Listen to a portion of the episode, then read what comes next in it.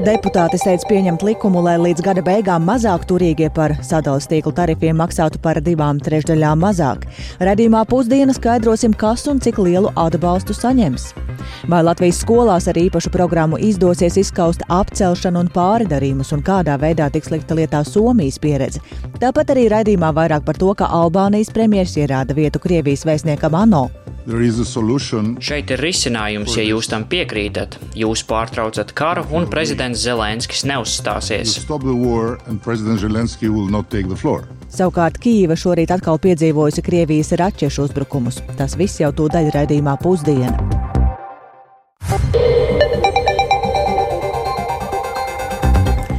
12 un 5 minūtes skanējumu sāk ziņu raidījums pusdiena un tajā plašāks skaidrojums par šodien, 21. septembrī būtisko studijā Dāca Pēkšēna. Esiet sveicināti! Un vispirms par to, ka deputāti šodien steidz pieņemt likumu, lai jau no nākamā mēneša līdz gada beigām rēķini par elektrību nebūtu tik lieli, kā paredzēts pēc sadalas tarifu pieauguma. Un tas ir saistīts ar ieceri kompensēt divas trešdaļas no noteiktā tarifa fiksētās daļas. Tā šonadēļ lēma valdība un to šīs dienas sēdē pirmajā lasīmā skatīs saimā, kas šo priekšlikumu paredz pieņemt pātrinātā kārtībā, un vairāk par to gatavs stāstīt kolēģis Jānis Kīncis, kurš pievienojas studijās. Sveiks, Jāni! Nu, laikam līdz šim likumam vēl nav tikts, saprotu, saimā.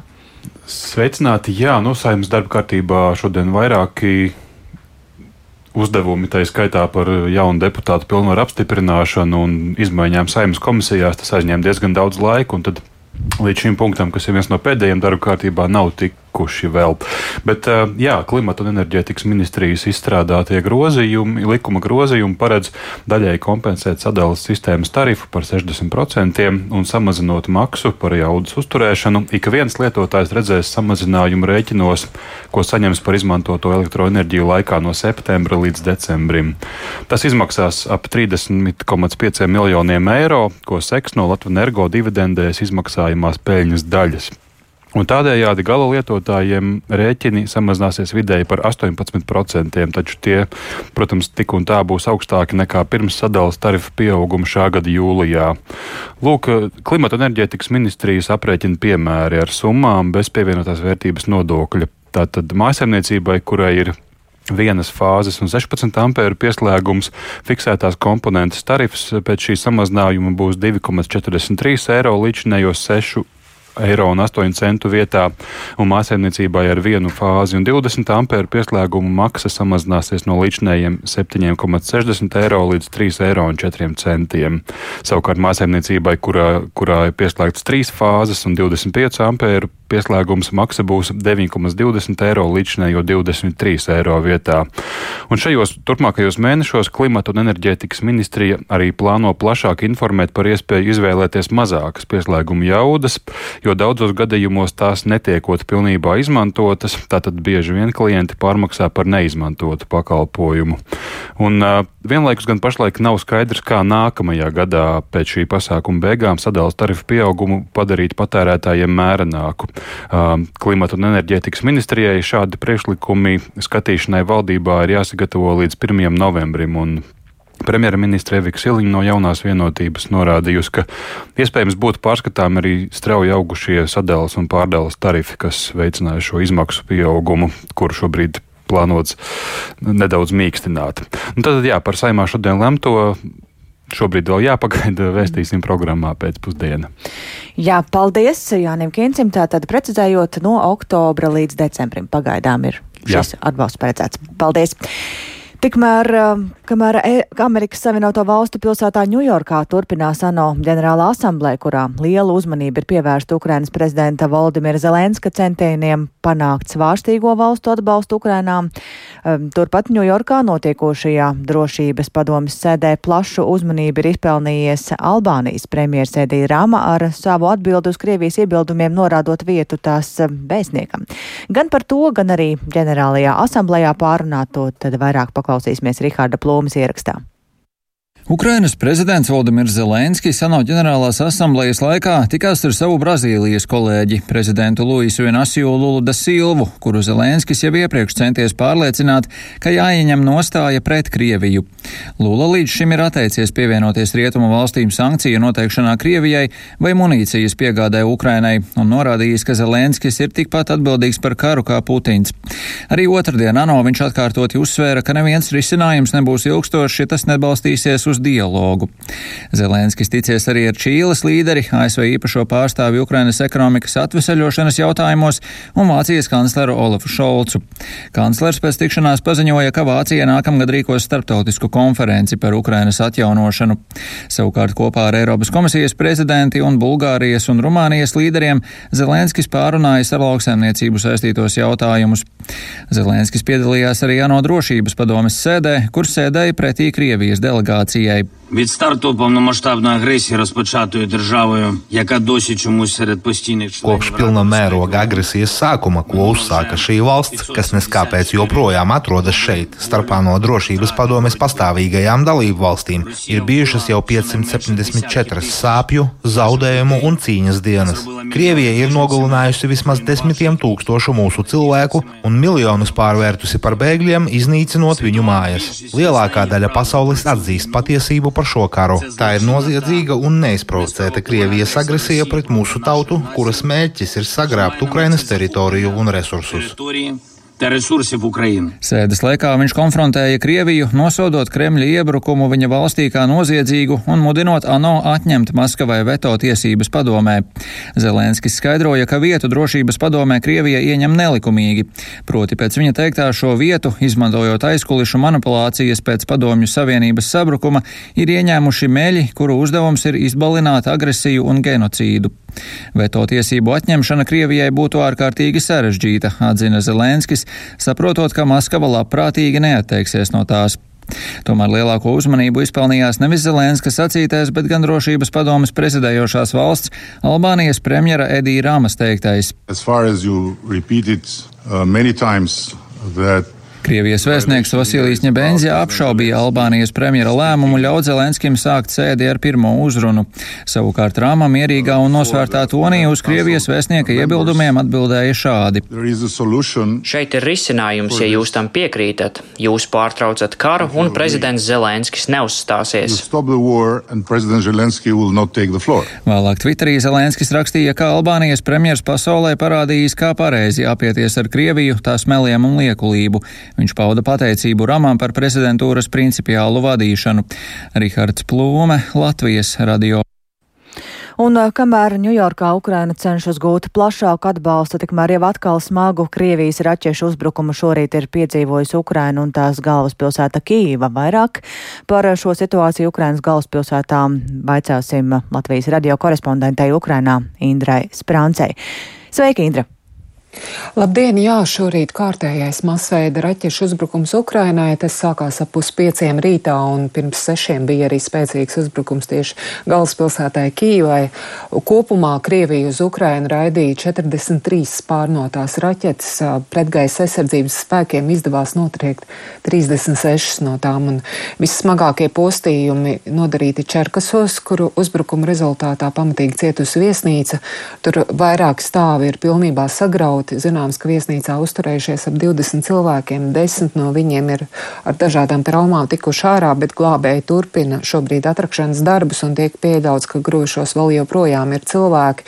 Tur šobrīd strādā ap simts glābējiem, ir ieradusies speciālā tehnika, lai atraktu gruvešus. Bet, kā minēja, spēcīgs uzbrukums bija arī Kīvai un tās apgabalam. Raķešu atlūzas kritušas Darnīckas, Solomenskas, Ševčenkovs šiem Ševčenkovas rajonos un atsevišķos objektos izraisījušas arī ugunkrēkus. Šķēmbu kritienu rezultātā Kīvā šobrīd ir zināms par astoņiem cietušajiem, no kuriem trīs cilvēki ir hospitalizēti. Uz, slimne, uz slimnīcām aizgādāts arī 9 un 16 gadus vecas meitenes. Savukārt Kīvas apgabalā atlūzas piezemējušās kādu uzņēmumu teritorijā, tur ir divi cietušie. Raķešu uzbrukumā postījumi nodarīti arī Ļvības apgabalā, kur trāpīts rūpniecības zonā. zonā. Harkivā, kur uzbrukuma rezultātā bojājumi nodarīt noliktavām, un tur ir arī divi cietušie. Hersonā trāpīts kādā dzīvojamā ēkā, arī saimniecības ēkā un izglītības iestrādē, kur bojā gājuši trīs cilvēki. Postījumi nodarīt arī Rīvnā, kur cietusi pilsētas enerģētikas un civilā infrastruktūra. Un uh, Rīvnā arī sabojāts ap desmit automašīnām, kas pilnībā nodegušas, un pēc uzbrukuma um, daļa Rīvnas palikusi bez elektrības, bet par laimi tur cilvēku cietušā nav. Un šī rīta uzbrukuma rezultātā elektrības pārāvumi bijuši ne tikai Rīvnā, bet arī Žitomirs, daļā Kīvas un Harkivas apgabalos, kur visur notika uzbrukums. Paldies Indrai Sprāncai par jaunāko informāciju. Tātad Ukrainā šī nakts un rīts, diemžēl, ir nesis gan ievainotos, gan arī bojā gājušos pēc Krievijas raķešu uzbrukumiem. Mēs turpinām ar citām ziņām. Dzelzceļa attīstība ir labākais veids, kā līdz 2050. gadam būtiski uzlabot vide Eiropā un citur pasaulē. Tā uzskata Starptautiskā dzelzceļu savienība, kuras Eiropas vadības komiteja šodien ir pulcējusies Rīgā. Un dažādu valstu eksperti pārunā arī to, kā Latvijas platuma sliedas varētu integrēt vienotā Eiropas tīklā. Un, um, kolēģis Viktors Demīdovs šobrīd ir ieradies studijā. Un eh, vairāk arī varēs par to pastāstīt. Eh, sveiks, Viktor! Jā, nu vispirms par tiem eh, šī brīža dzelzceļa izaicinājumiem un cik reāli un ir padarīt to par transporta muguru gan pasaulē, gan arī vispār nu, tieši Latvijā. Jā, sveicināti. Nu, tad šodien Rīgā notiek Startautiskās dzelzceļa savienības Eiropas reģiona vadības komitejas sanāksme, un tad kuras nozares speciālisti no dažādām valstīm spriež um, kā dzelzceļu vilcienus padarīt par galveno transporta veidu. Un runa vairāk ir par elektrificētajiem vilcieniem, kas uh, nerada izmešus un attiecīgi nepiesārņo vidi. Un uh, Rīgai uzņemt tāda mēroga pasākumu ir gods, un tā to atzīmē Latvijas dzelzceļa pārstāvi. Un īsi pirms šīs uh, lielās sanāksmes savienības pārstāvi galveno noziņoja arī medijiem. Un Startautiskās dzelzceļa savienības ģenerāldirektors Fransuā Davēns atgādināja, ka līdz 2050. gadam Eiropai ir jākļūst klimata neitrālai, un viņa prāt labākais veids, kā vidi uzlabot, ir pāriet uz dzelzceļu kā transporta mugurkaulu, un savus mērķus savienība ir sasniegusi vien daļēji. Līdz šim tātad tas standartizētais dzelzceļš Eiropā ar vien Uh, ne visās, teiksim, tā valstīs, un runa ir tieši par Baltijas valstīm, kur dzelzceļa sliežu platums ir 1520 mm, kas ir tas padomjas Savienības standarts, un um, Eiropā ir nedaudz šaurāks, un uz to ir pārgājusi arī Lielbritānija, kā viņš norādīja. Uh, savukārt Startautiskās dzelzceļa Savienības Eiropas reģiona vadītājs un vienlaikus arī Britu dzelzceļa network rail pārstāvis Martins Frobišers sacīja, ka lielākais izaicinājums ir vides ilgtspēja iespēja. Un tad tas mērķis um, ielās ir samazināt lielo automobīļu un kravas mašīnu skaitu. Ar šo problēmu saskaras daudzas um, pa pasaules valstis, un tāpēc šodien uh, viņi sanāksmē runās, kā to sasniegt, attīstot tieši dzelzceļu. Un tad paklausīsimies Frobišera teikto. Latvian Railways participate brilliantly in the International Union of Railways. Latvijas dzelzceļš lieliski piedalās Startautiskajā dzelzceļu savienībā. Es domāju, ka Latvija patiešām cenšas integrēt sistēmas, tehnoloģijas un sadarboties ar cilvēkiem. Kā integrēt Latvijas sliedas Eiropas dzelzceļa infrastruktūrā? Domāju, ka vienas atbildes uz šo jautājumu nav. Domāju, ka atbildes var iegūt fórumos. Jums jāpiedalās fórumos, kuros mēs runājam par pārobežu biļešu tirdzniecību un pārobežu robežu kravu pārvadājumiem. Jūsu komanda uz to ir ļoti koncentrējusies. Esmu patiešām pārsteigts, kā Latvija cenšas sadarboties. Jā, tālūk, um, e, Eiropas uh, reģiona vadītājs un vienlaikus arī Britu dzelzceļa network rail pārstāvis Martins Frobišers uh, sacīja, bet, ja runājam arī kopumā, tad, protams, uh, eksperti izcēla, izcēla Rail Baltica projektu, kas mums jau vairākus gadus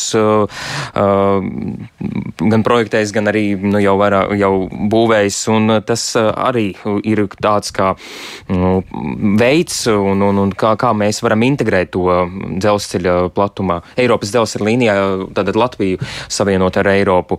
Bet es arī uzdevu jautājumu, nu tad tas ir termiņš, ir tas 30. gads, nu tad izskatās, ka jā, pagaidām ir tas 30. gads, bet arī sarunā ar Latvijas dzelzceļa vadītāju Pļavnieku, Rinaldu Pļavnieku, viņš teica, ka nu, 30. gadā tas vēl nebūs pabeigts attiecīgi līdz galam precīzāk. Nu, tad tur tas mm. vēl tīkls attīstīsies un attīstīsies, un tad, tad jau tas ir nu, daudz gadu plāns, bet uh, tas ir virziens, kā varētu viņu prāta sasniegt to klimata neutralitāti. Bet, nu, katrā ziņā šajā sanāksmē es saprotu, ka runā par tādu lielāku ilgtermiņu, nevis par, tuvāk, par tuvākajiem gadiem, jā, bet ir runa jā. par desmit gadiem. Jā, jā, attiecīgi tādas kā, nezinu, izmaksas vai, vai termiņi tur netiek, netiks saukti. Vismaz medijiem tas, tas mm -hmm. nebija zināms.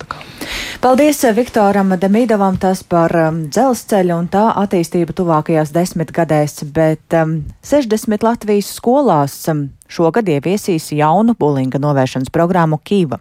Tā ir izveidota Somijā un darbojas jau 23 pasaules valstīs. Tas, ka Latvijā skolēnu vidū ir aktuāla apcelšana, pazemošana un pāri darījumi, esam nevien stāstījuši savās programmās, bet par to liecina arī starptautiski pētījumi. Un Latvija šajā ziņā 45 valstu vidū ieņem otro vietu. Un viena no skolām, kurā arī šo problēmu um, centīsies risināt, ir Rīgas teikas vidusskola, un tur šobrīd atrodas mana kolēģe Paula Dēvica, ar kuru esam sazinājušies. Sveika, Paula!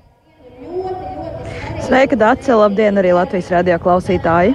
Nu, Programma vismaz Latvijā ir pavisam jauna, un es saprotu, ka šodien varam runāt par tādu kā startu tai.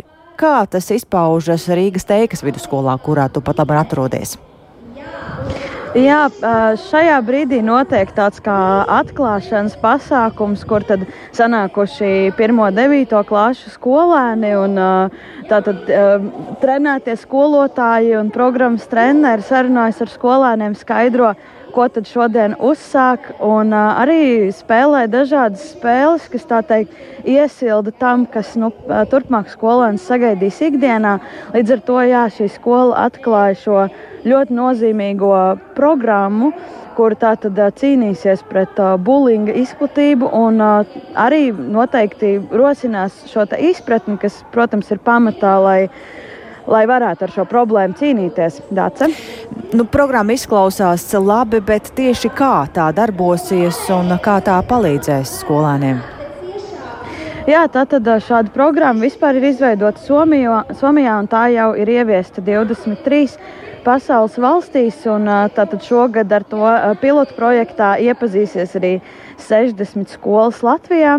Un, tātad jau augustā ir apmācītas skolotāju komandas, kuriem ir iedot dažādi instrumenti, ne tikai, protams, problēmas atpazīšanai, ko es domāju, skolotāji savā pieredzē jau prot, varbūt samērā pat labi, bet arī tieši šos instrumentus, kā tad rīkoties, to starp, piemēram, šajā programmā izteikti tās ir dažādas spēles, kā iesaistīt skolēnus, kā, kā palīdzēt izprast, kas tad ir šis pāri darījums un, un kā mēs to varam novērst. Līdz ar to, jā, viens no šiem paņēmieniem tātad trenētie skolēni, kuri tātad jau no septembra uzsāk šo darbu mācās pazīt un strādāt ar skolēniem. Tāpat, protams, ir apmācīti darbinieki arī, kuri var sniegt atbalstu tad, kad jau šis pārdarījums ir noticis. Ne tikai pāri cilvēkam, kurš ir savu pārdarījumu saņēmis, bet arī pārdarītājiem un risināt problēmas sakni. Bet arī trešais, nemazāk būtiskais punkts ir tātad problēmas uzraudzība. Līdz ar to katru gadu tātad tiks ievākti dati par to, kā, kāda ir situācija, kāda ir virzība, vai, vai šī programma nes kādu, kādu labumu, un vai šī situācija paliek labāka. Nu, jā, tad droši vien ir jautājums arī par um, skolotāju papildu darbu, vai cik daudz tas prasīs no skolotājiem, un vai tas vispār notiek tā mācību procesa laikā vai, vai, vai pēc mācībām. Kā tas iekļaujas um, šajā visā skolas vidē? Nu, pamatā es uh, saprotu, ka tas ir tāda mācību procesa sastāvdaļa.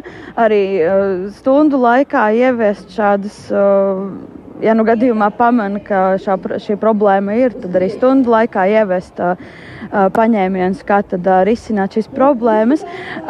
Jā, tas, tas ir uz skolotāju pleciem, taču varētu teikt, ka tas ir arī varbūt savā ziņā palīdzoši, jo skolotājiem tiešām tiek doti instrumenti risināt problēmu, kuru viņiem jau tāpat ikdienā bija jārisina.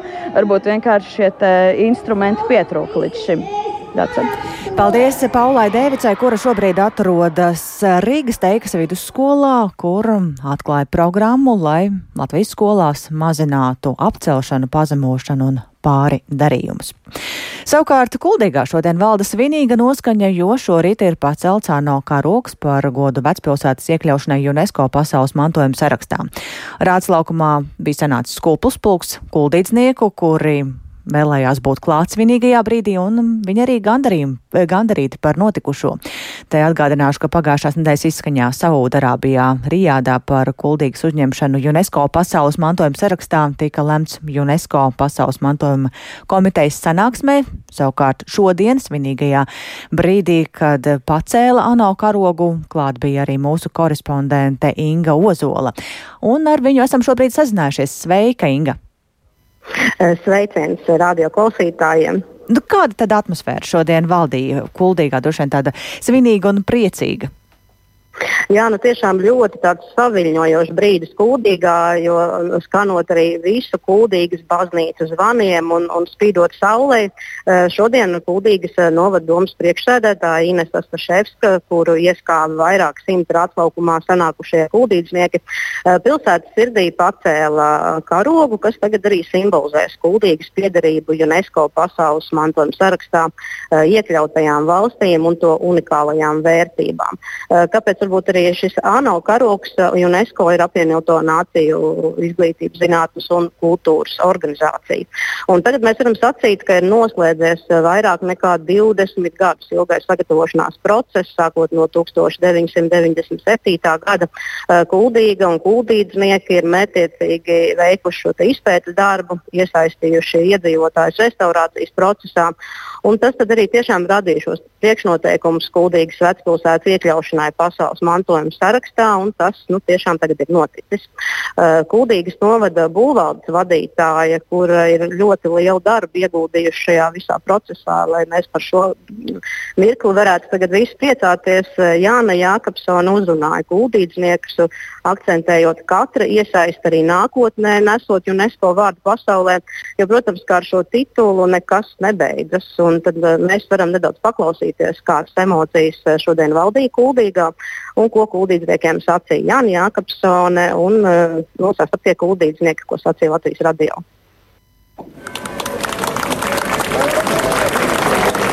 Noticēt. Tas mums bija ārkārtīgi svarīgi visiem noticēt tam, ka mēs varam būt pasaules mantojuma vieta. Noticēt katram no jums, ka jūsu ēka, jūsu vieta, jūsu ikdienas gaitas ir šajā teritorijā, vērtība un ļaut noticēt pasaulē. Tagad mēs redzam, ka pasaule tam ir noticējusi. Nākamais ir noturēt. Tagad mēs katrs esam atbildīgi par to, kā mēs dzīvosim, strādāsim, baudīsim šo vidi un kā mēs noturēsim šo vidi, kā ir noturējuši, veidojuši mūsu tēvi, vectēvi, mātes, vecās mātes, vecvectēvi, vecvecmātes, un ko mēs nodosim tālāk saviem bērniem, mazbērniem. Dzimtā pilsēta Mēs esam to pelnījuši. Tas bija garš, grūts ceļš. Man gribētos kaut kā atmiņā pārcelt tieši tos pirmos cilvēkus, tiem arhitekti Orniņi, ja, kas visu to glabāja. Un tad arī ļoti skaists rudens ir. Mēs tā kā mazā Parīzē esam šodien gaiši, starojoši. Man liekas, ka to ir nopelnījuši visi skuldīdznieki, kas šeit ir dzīvojuši no, no paudzes paudzēs un to mantojumu būtībā krājuši un saglabājuši. Un tāds gandarījums.